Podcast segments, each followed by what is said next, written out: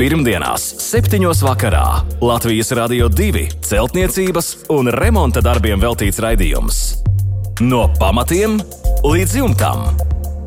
Ar padomiem un atbildēm uz klausītāju jautājumiem Latvijas Rādio 2 studijā - tehnisko zinātņu doktors, būveksperts Juris Biršs.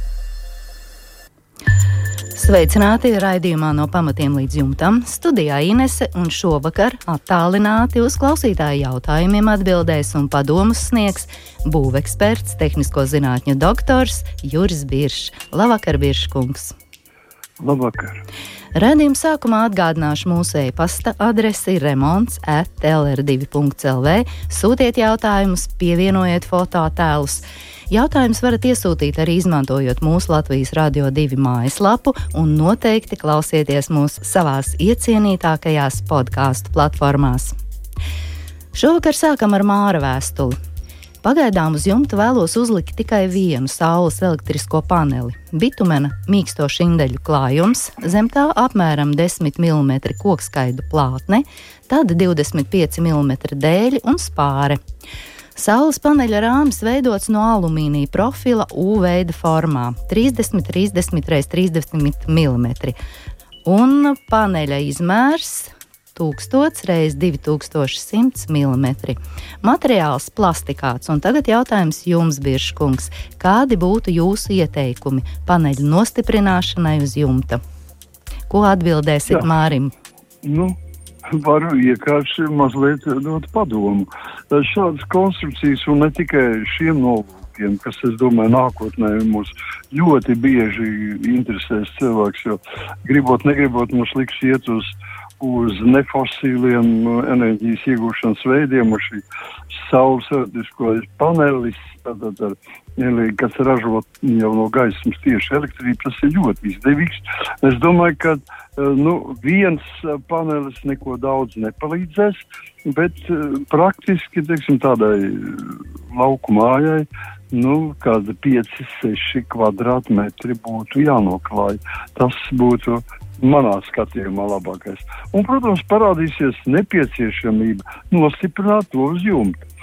Nu, eh, pirmām kārtām, redziet, jau pats sākums, jau Māris saka, ka pagaidām gribu uzlikt tikai vienu. Tas nozīmē, ka vēl pēc kāda laika viņš gribēs uzlikt vēl vairāk visu. Un tāpēc mēs sabojāsim jūtu tikai. Ja mēs liksim un pastiprināsim, liksim arī vairāk, un, un, un katrs, uh, at, katrs atvērums, katrs caurums, katrs urbums jumta klājā ir bīstams. Tātad priekš dažādu mitrumu iesūkšanai un, un praktiski mēs nekad izvairamies maksimāli bojāt jumta klātni. Un tāpēc es iesaku, kas ir, man liekas, vispraktiskākais, veidot šo stiprinājumu, metāla stiprinājumu piespārēm un izvest teiksim, stieņveida izvest ārā caur jumtu, tad parādīsies mums viens, divi, atvainojos, nu, viens reti, kad droši vien viens vai divi vai trīs šādi izlaidumi, un uz viņiem veidot horizontālu platformu. Uz jumta tiek veidot horizontālu platformu, uz kuras tālāk jūs varat likt virsū vienalga, ko jūs gribat un kā.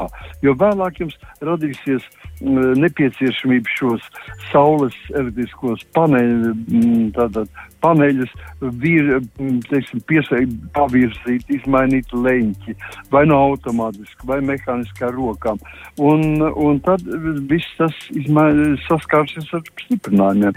Ja jums būs radīta horizontāla platforma, jūs varat darīt un stiprināt pie tā, ko tikai jūs vēlaties. Protams, ir jāpadomā, lai šīs platformas varētu ērti nonākt tādā tuvu jumta lūkai, lai varētu uh, tieši un droši ātri nonākt un attīrīt sniegu vai, teiksim, uzklāt kaut ko jaunu. Tas manā skatījumā ir pats galvenais. Jā, paldies par atbildi Mārim. Tātad jūs, Biržkungs, iesakāt Mārim mazliet palūkoties nākotnē tālāk ar jau sagatavošanās soļiem, nākamajiem darbiem un nākamajām domām, ko no viņa vēstules var arī saprast, ka pagaidām viens pēc tam sekos nākamajam. Jā, tieši tā. Pavasarī jāsāk mājas fasādes siltināšana. Mums raksta Edgars. Māja celta no 300 mm gāzbetona blokiem. Siltināšu ar 100 mm akmens vati un tad būs stiegrojošā josla. Un jau sākumā viens jautājums, vai tas būs pietiekami? Tātad 300 mm gāzbetona bloki un 100 mm akmens vates siltinājums pietiekami? Jā, es domāju, ka tas ir visā pilnībā pilnīgi pietiekami, tāpēc, ka 300 mm bez siltinājuma, protams, ir daudz par maz. Un 150 mm varētu zem jautājuma, 100 mm pilnībā ir normāli. Tātad tik tālu viss ir kārtībā. Tālāk, Edgars jautājums par dekoratīvo apmetumu. Vēlos veikt visu vienā piegājienā, raksta Edgars, ar jau tonēta apmetumu uzklāšanu. Piedāvā minerālos apmetumus, kurus var tonēt ar minerāliem pigmentiem, vai gatavos akrila, silikona, silikona, silikāta, Minerāls ir visdabīgākais materiāls, bet līdz ar to arī varētu būt problēmas. Tās ir Edgara pārdomas. Akrila laikam neder, ja siltināts ar akmens vati, silikonu un silikāta it kā esot elpojoši, tad tie varētu derēt. Vēlējos dzirdēt jūsu ieteikumus, Biržkungs, kas būtu tas labākais, lai sienas elpotu, bet reizē arī fasāde būtu izturīga pret apkārtējās vides iedarbību. Ko jūs ieteiksiet Edgaram? Jā, nu, es mazliet viņa, viņam varētu, pie, tas nenozīmē, ka tas obligāti ir, ir nepieciešams paklausīt, ko es iesaku, bet katrā gadījumā tas varētu mazliet lai, no praktiskās puses atvieglot. Pirmkārt, man nesevišķi liekas optimāli, ja Edgars izvēlēsies vienā piegājienā ar tonētu apmetumu uzklāšanu. Nu, Tātad stiegrojušo joslu izveidos, tur viss pēc, pēc likumiem tā kā tas vajadzētu būt, pieņemsim, ka tas viss kārtībā, un tagad nāk tālāk eh, izlīdzinošā kārta, un tad nāk eh, teiksim, puķis, grunts un minerālais, vai nu, jebkurš dekoratīvais apmetums. Un šie dekoratīvie apmetumi, diemžēl, nu, mēs neesam tik augsts klases meistari, ka mēs varam to katru dienu darīt. Viņi tomēr prasa pēc apmetuma uzmeš, uz, uzlikšanas, prasa tomēr mazliet kaut ko piekoriģēt. Mazliet kaut kur ir, ir, ir, ir tā, tāda kalniņš, mazliet kaut kur ir ielai un vajadzētu viņu piepildīt. Un jūs saprotat, ja mēs strādājam ar dekoratīvu, m, tonētu apmetumu, tad pēc kāda laika, liekot virsū jaunu kārtu, mums ir pleķis, mums ir krāsu starpība. Tas vienkārši nav iespējams izveidot, jo tas ir atkarīgs no dažādiem mitruma, gaisa mitruma un tā tālāk. Tāpēc es no savas puses ieteiktu nevis tonētu apmetumu, bet baltu apmetumu. Tātad balts apmetums, kur mēs varam pēc tam labot, cik mēs ilgi gribam. Varam pūlēt, veidot un vēlreiz apskatīt un beidzot un nonākt pie tā, ka viss ir kārtībā. Un tad paliktu, protams, vēl tas otrs gājiens, no kā Edgars sākotnēji negrib, negribēja darīt, vienkārši ņemt un nokrāsot. Nu, tas nozīmē sagatavot krāsu, četri spaiņi, katrs krāsotais no savas puses, māja vienā ātrā veidā tiek nokrāsota. Bet pirms tam tātad, kas mums ir vajadzīgs. Tas attiecas arī uz tonētu apmetumu, tas attiecas tikpat labi uz balto apmetumu. Mums ir vajadzīgs, lai šis apmetums maksimāli elpotu. Tas viņš maksimāli laist caur ūdens tvaikus. Tātad mēs sakām, ūdens tvaika pretestības faktoram jābūt ārkārtīgi mazam. Nu, viņu, nu, tas ne tikai zinātnē, bet arī būvmateriālu veikalos jūs uz, pie pases vai pie um, uz, uzrakstu uz maisa, jūs saskarsties ar ūdens tvaika pretestības gaisa difūzijas ekvivalentu, tā saucamā SD vērtību. Un šiem vērtībām jābūt diezgan mazām.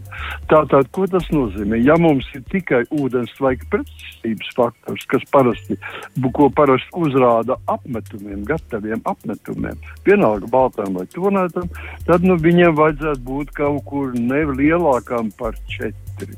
Tātad skaitli četri, nelielākam. Nu, pieci maksimums, un ar to viss vajadzētu beigties. Ja mēs varētu teikt, ka vienkāršai uh, smilšu, kaļķu, mm, cementa, ja viņai ir kaut kur seši, ja, tātad nu, nekādā gadījumā nepārsniedzot šo vērtību. Ja mēs pielietojam krāsas, nu, tātad uz balto krāsojumu, tad šīm krāsām jābūt jau ar ūdens tvaika pretestības gaisa difūzijas ekvivalentu SD nu, ļoti maz zem viens. Tātad 0,2, 0,3, 0,4. Nu, tas ir pats robežojošais ir teiksim, viens, kas piederētu teiksim, pie akrila krāsām. Būtu jācenšas pēc, pēc ūdens mm, dispersiju krāsām, pēc cementa krāsām, pēc silikāta krāsām, kas viss ir mazāks par vienu. Lūk, ja mēs ievērosim šos izteikumus, tad viss ir kārtībā. Jā, paldies, Biržkungs, par atbildēt garam. Un nākamā mums ir jūra vēstule. Koka karkasa būve uz plātnes pamatiem, kuros jau iestrādātas siltās grīdas apsildes kontūrs. Zem plātnes un cokolā 100 mm ekstrudētais putu polisterols ar pusspundi, zem grīdām papildus 150 mm putu plasts. Zem ekstrudētā putu polisterola nav ieklāta tvaika membrāna, kā arī plātne būvēta uz krietni blietētas smilts. Ar kādiem riskiem šādā situācijā būtu jārēķinās, jautā Juris, un kā šos riskus, ja vispār tādi pastāv, novērst. Pieļauju, ka kritiskais punkts ir kapilārais mitrums, kas varētu caur puspundi tikt cauri ekstrudētajam putu polisterolam un mitrināt betona plātni. Vai perimetra drenāžas ierīkošana kaut minimāli risinās šo situāciju, ja riski pastāv? Jā, nu, tā ir sarežģīta lieta un nu, nepaveicies. Šajā gadījumā es teiktu, ka Jurim nav paveicies. Vispār šīs ār, ārkārtīgi, um, nu, teiksim, tāda nu, ļoti racionāla, liekas, ļoti ātri mēģinājums ieklāt plātnveidu pamatus. Pirmkārt, jau mēs daudz kļūdāmies ar, ar siltumizolāciju zem plātnes. Nu, labi, ja ir, teiksim, zem uh, plātnes ielikt šajā gadījumā jūras sirds ir 100 mm, viņš nav daudz pārskaties. Es domāju, ka 70 pilnīgi pietika, bet uh, 100 mm, nu, lai tas būtu, tas ir tuvu. Man nav skaidrs, kāpēc zem grīdām vēl papildus ielikts ir 150 mm eps putu plasmas. Tas ir galīgi ļoti vājš materiāls, kurš padodas tādā deformācijām, sasilstot, atdziestot, kas kustēsies un arī mehāniski netur slodzi. Šis materiāls nu nav. Man tā labi varbūt nav saprotams. Cik es saprotu, tas ir virs šīs plātnes, ja? jo plātnē jau ir iestrādāts siltumelements, apsildes kontūrs un zem viņa atrodas ekstrudētais puķu polistirols, un tālāk seko it kā šis, uh, ekstru, šis um, epstipa putu plasts un tad uh, grīda. Ja? Tā kā es teiktu, ka riski pastāv. Pirmkārt, tātad šis, šis uh, uh, putu plasts man nav skaidrs, kāpēc viņš viņu nekad nelietotu tur.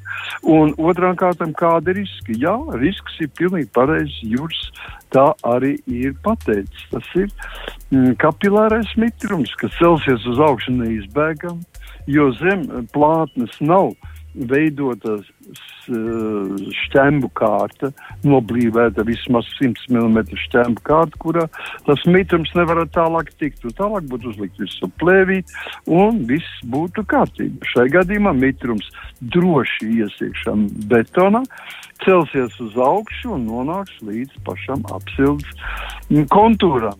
Tas nozīmē, ka mums būs zudumi labākā gadījumā. Ja, ja mums nav kaut kādi, teiksim, pieņemsim, ka visi ir kabeļi un viss ir kārtībā, tādā gadījumā mums būs siltuma zudumi. Neizbēgam lieli siltuma zudumi. Mhm. Un kaut ko labot šajā gadījumā, nu, ļoti ļoti nosacīti. Praktiski mēs nevaram neplēst augstā un kaut ko mainīt.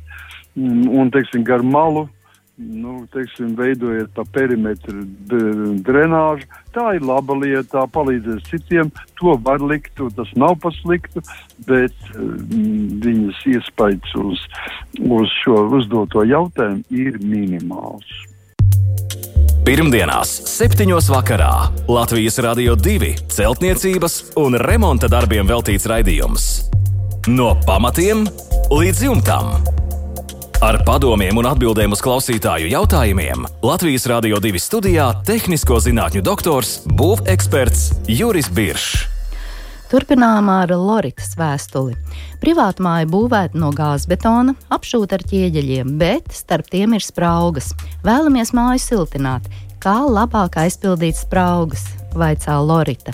Vai ķieģeļus noņemt un likt vati, kā varētu efektīvāk siltināt, lai siltums nezustu. Mājai ir aptuveni 150 km2. Jā, nu, jautājums uh, liekas ļoti vienkāršs, bet tajā pašā reizē es tā neņemos precīzi atbildēt, vai es pareizi saprotu. Jo šeit ir rakstīts, ka māja ir no gāzes betona un apšūta ar ķieģeļiem, bet starp tiem ir spraugs. Nu, starp ķieģeļiem nevarētu būt spraugs, jo tad viņi ir apšūti un viņi ķieģeļa spraugs it kā noteikti nu, nu, nevar tāpat likt tikai ķieģeļu. Ir, ir tā tāda mūrjauba. Bet tas nozīmē, ka starp gāzbetonu un starp ķieģeļiem ir spraugs. Droši vien tā. Tas varētu būt. Jā, es tā domāju vienkārši. No tas viss atkarās, atkarās tagad no šīm spraugām. Jā, šīs spraugas ir ļoti būtiskas. Un pēc Latvijas būvnormatīviem nedrīkst būt, uh, teiksim, spraugas starp šo gāzbetonu un starp ieģeļiem. Pie tam vēl, jo mazāka viņi būs, jo tas ir labāk. Praktiski ideālā gadījumā nemaz nedrīkstētu būt. Un tāpēc mums pirms mēs gribam siltināt šo māju, Tātad būtu jāizspēj, jāiz, šī sprauga jāizpild ar siltumizolācijas materiālu. Tātad, ja mums ir sprauga, šī sprauga ir nu, maza, teiksim, no, no, no dažiem milimetriem līdz 3 centimetriem, nu, teiksim, tādā lielumā, tad mēs šo spraugu aizpildām ar īpašu tādu beramu materiālu, Rigiper 035 vai nu, dažādas firmas ar dažādiem nosaukumiem, kas ir uzpūstas putekļu lodītes, ar, nosmērēts ar grafitu melnas, ļoti vieglas, viņa zem spiediena, tātad iepilda šajā spraugā. Šie spraugi to dara specializētas vienības, kuras zina, kā to lietu izdarīt, jums viņas ir jāuzaicina. Viņi to lietu izdara, teiksim, tādai pusotru stāvu mājai, apmēram kādas pusstundas stundas laikā. Tas ir eh, viegli izdarāms un viegli panākams. Ja mums šī sprauga ir lielāka par 3 centimetriem, es ieteiktu lietot nevis šo dārgo materiālu, kas nav, bet ekovati. Tātad arī ekovati var zem spiedienu iepildīt šajās spraugās. Zem spiediena viņš apņems visu tur, kur tas ir vajadzīgs. Protams, ir jāskatās, lai zem logiem un tādas vietas, kur citur varētu būt tiešām mehāniski bojāts mm, tas ķieģeļa apšūms, lai tur viss būtu ciet. Savādāk mēs izspīdīsim visu laukam. Un tikai pēc tam, kad izdarīti šie siltinājuma darbi, mēs varam siltināt no ārpuses. Nu, tad tas nozīmē, ka nebūs jāņem no ne ķieģeļi, varam likt bati, nu, teiksim, slāņus. Cik nu mums ir bijis tas nepieciešams? Ja jums ir šīs spraugas lielas, un teiksim, līdz 500 centimetriem, tad pat jau aizpildot šīs spraugas, mēs veicam nu, teiksim, nozīmīgu mājas siltināšanas darbu, ko var teiksim, ziemā pārbaudīt, vai ir vispār vajadzīgs vēl turpmāk siltināt kaut ko. Jā, paldies par atbildi Loritai. Jautā klausītājs! Savukārt Jānim ir lauku māja un ir sakrājušies māla ķieģeļi. Gribu tos daļai izmantot pirmā stāva virtuves halles grīdās, raksta Jānis. Plānotā darbu secība būtu šāda: šķembas, smilts, plēve, 100 mm putu plasts, siltā grīda, 70 mm stiegrots betons, flīžu līme, ķieģeļi un tad šuves aptuveni 10 mm pildītas ar kaļķu jau vai smiltīm un virsmu Noslēgumā Jānis vēlas nolakot. Lūdzu, iesakiet labāko, pareizāko variantu, ja būs apsildāmās grīdas. Vai te viss ir pareizi un tā var darīt? Nu, praktiski tā ļoti lielos vilcienos viss jau būtu pareizi. Es ieteiktu tomēr kādus nelielus labojumus. Tas pirmkārt, cik es saprotu, tad Jānis pareizi domā vispirms ir šķembas. Ja? Tas jāatvainojas vispirms ir smilšu. Smilšu paklājas, tad ir šķembas. Un vismaz 10 centimetri biezumā. Tas ir minimums un blietēts. Un tad, ja vēl rakstā, ka pēc šķembām ir smilts, tad tā ir tikai tā virsējā maza centimetrīga. Maza, maza kārtiņa, jā. Slanīt, jā lai, lai noslēptu šķembu asās šķautnes. Tad seko plēve un tad 100 mm putuplas, eps. Tas nav labs materiāls. Es jums uzreiz varu pateikt, EPS vispār nav domāts kā siltumizolācijas materiāls, viņš drīzāk kā iepakojuma materiāls. Viņš ļoti neizturīgs un vislielākā nepatikšana tāda, ka lietojot viņu pie siltām grīdām, viņš uh, saka, viņš presēsies, sevišķi pēc tā milzīgā daudza, ko es likšu viņam virsū. Viņam vismaz, vismaz 20 tas ir apmēram 10%, viņš samazināsies siltumā. Pēc tam, kad viņu uz, uzsildīs šie siltā grīda, viņš atkal palielināsies. Tur jau gaisa tur daudz ir iekšā. Es ja tomēr ieteiktu padomāt, ne 100, nevajag 100. Pilnīgi pietiekoši 30 vai 50 mm, nu, bet ekstrudēta putu plastu. Nevis sepsu, bet divi, tas ir 50, 30 vai 50 mm ekstrudēta putu plastu uz puses punda. Tad seko siltā grīda. 70 mm stiegrots betons nav vajadzīgs par tik daudz. Šai gadījumā jau jums būs vēl ķieģeļi. Ja? Tātad es teiktu, ka 70 mm vispār būtu labi virs apsildāmām grīdām un stingri vairāk likt nemaz nav tik. Uh, tik eh, nepieciešami. Ja? Tātad es liktu 50 mm stiegrots betons, flīžu līme un ķieģeļi. Nu, tad jau kaut kur mēs varētu iekļauties. Nu, un tālāk tātad eh, šūvis rakstīts pildīts ar kaļķi jau. Jā, to varat arī ar kaļķu jau, un virsmas, protams, ka jūs varat droši, nu, teiksim, lakot. Nu, Jo, jo teiksim, ja mēs nebūtu apsildāmā grīda, tad lakot to nekad nevajadzētu. Tā laka vienkārši ļoti ātri noiet nos. Ja jūs izmantosiet ļoti maz apsildāmo grīdu, arī lakošana nav labākais līdzeklis. Bet principā, ja mēs, nu, es domāju, tomēr lauku māju Tātad ir pavasarī, rudenī ātri sāk apsildi, un, un tad tas varētu arī būt kā pareizākais variants. Uh mhm. -huh. Jā, parāda bildi Jānim, paldies, Biržkungs. Un noslēgumā mums ir jānolasa jūra vēstuli. Ļoti garu un apjomīgu vēstuli mums ir atsūtījis Juris.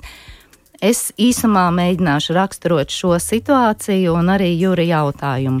Viņš ir iegādājies divu stabu dzīvokli otrajā stāvā 50 km2 platībā 70. gadu beigās celtā trīs stāvu dzīvokļu ēkā. Un veicot remontu, demontējis grīdas konstrukciju, jo tā ir būvēta līdz ar ēkas celtniecības laiku. Grīda bija šķība, šķirbaina, līmeņi atšķīrās telpās un apjautājot draugus un paziņus un kolēģus, Jurim ieteica sausā betona grīdas tehnoloģiju. Un viņš ir arī apzvanījis sludinājumus un jau tā kā vienojies ar būvniekiem, bet tad kāds draugs viņam ir uzdevis jautājumu, vai tavs dzīvoklis neiebruks pirmajā stāvā? Un tagad Juris raksta, un te nu man sākās negulētu nakšu maratons, jo centos atrast informāciju. Cik tad ir pieļaujams slogot 40 gadīgus pārseguma paneļus? Un informāciju viņš nav atradis, un tad arī atmetis šo domu par sausā betona grīdas tehnoloģiju.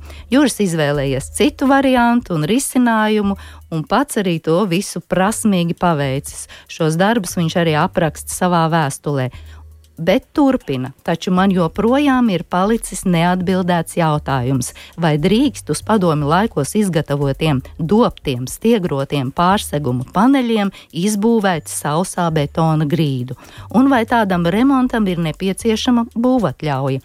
Un pievienojas arī Juris ir fotoattēlu ar šo trīs stāvu daudzdzīvokļu māju. Glīta māja un izstāsta, ka jūras arī ar remonta darbiem ir ļoti labi ticis galā. Ko jūs teiksiet, Birškungs? Nu, ir tā sakot, uzdoti vairāki jautājumi. Jā. Ir vispirms, varbūt tās, vispirms varbūt tiksim pilnībā skaidrībā ar to, ka vai drīkst to darīt, teiksim, bez botļās. Nu, mums jāsaprot, ka jebkuri būvniecības darbi prasa būvotļauju. Ja jums ir, nu, redziet, ja mēs jau ķeramies pie pilnības grīdas. Uh, pārveidošanas, ja mēs viņu noplēšam līdz pārsaguma paneļiem un vēl izlīdzinām kaut ko. Tāpēc jau arī ceļās šis jautājums, vai drīkst šo slodzi.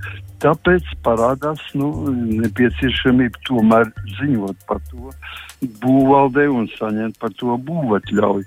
Vai arī teiksim, jebkurā gadījumā varam konsultēties būvu vietējā būvvaldē, vai tas ir nepieciešams. Tas būtu vispareizākais. Un tālāk jautājums. Redziet, katrs mm, pārseguma panelis. Vai nu viņš ir ražots tagad, vai viņš tika ražots uh, Savienības laikos, tad 40 gadus atpakaļ. Tas ir dzelzbetons. Dzelzbetona dobie, dzelzbetona paneļi. Praktiski, ja viņi nav ar plaisām, tātad viņi nav mehāniski mm, tātad, sagrauti, tad viņi droši var kalpot nu, vismaz simts gadus. Tāpēc, ja mēs ir, ar to mēs varētu nomierināties, ka jau esošā mājā iestrādāts un arī arī mums, mums tā sakot, ir atsūtīts, ja Jurijs ir atsūtījis arī šo, šo mājas, redzam šī trīsstāvu mājiņu, kas ir daudz dzīvokļu māja, un tātad šajās mājās, jā, bija tipiski iestrādāti pa paneļi, dobie paneļi. Nu, teiksim, tādas, kā ražoja vislielākā vairuma, ražoja Lugažu, teiksim, otrais dzelbetona rūpnīca ceks, kas ražoja šos iepriekš saspriegtos, tātad viņas termiski ar elektrisko strālu nedaudz, es teiktu, nedaudz tomēr saspriedz, un tātad tika viņi šādi izgatavoti. Viss jau jautājums ir sekojošs. Cik garš ir panelis? Un, nu, teiksim, platums, nu, metrs 20 varētu palikt. Un cik augsts ir panelis? Nu, pieņemsim, ka padomu savienības laikos tā šie standarta paneļi 22 cm augstumā. Es domāju, ka tāds arī ir šajā gadījumā izmantots. Nav zināms, cik tas ir garš, kāds ir laidums, paneļa laidums. Bet nu, tā vidēji tā vidē mēs varētu teikt, ka parasti ne, nezinot šos beidzot remonta darbus vai nezinot, cik nu viņš ir garš un nevar to bez uh, grūti noskaidrot, mēs vienmēr inženieri pieņem četrus kilopaskālus maksimālai slodzei. Ko nozīmē 4 kilopaskāli? Nu, pārējot uz, teiksim, uz slodzi, kilogrami uz kvadri, kvadrātmetru. Nu, tas būtu visvienkāršākais. Ja tādi kilogramus kvadrātmetru, to ja mēs varam pareiķināt paši, cik daudz vienu kvadrātmetru jūsu istabā ir. Tātad tas varētu būt kaut kur ap, aptuveni 400 kg kvadrātmetru. Ja mēs pareiķinām, nu, teiksim, šo, šos, eh, šo, nu, estrīku tipa grīdas slodzi, tur ir putu polistirols ekstrudētais un kādi 7, 8 centimetri, teiksim, šī eštriga betons, un tas viens kvadrātmetrs, viss sastādīs kopā, nu, nepārsniegs kaut kur 210, 220 kg nekādā gadījumā. Tas jau, redziet, jau rāda.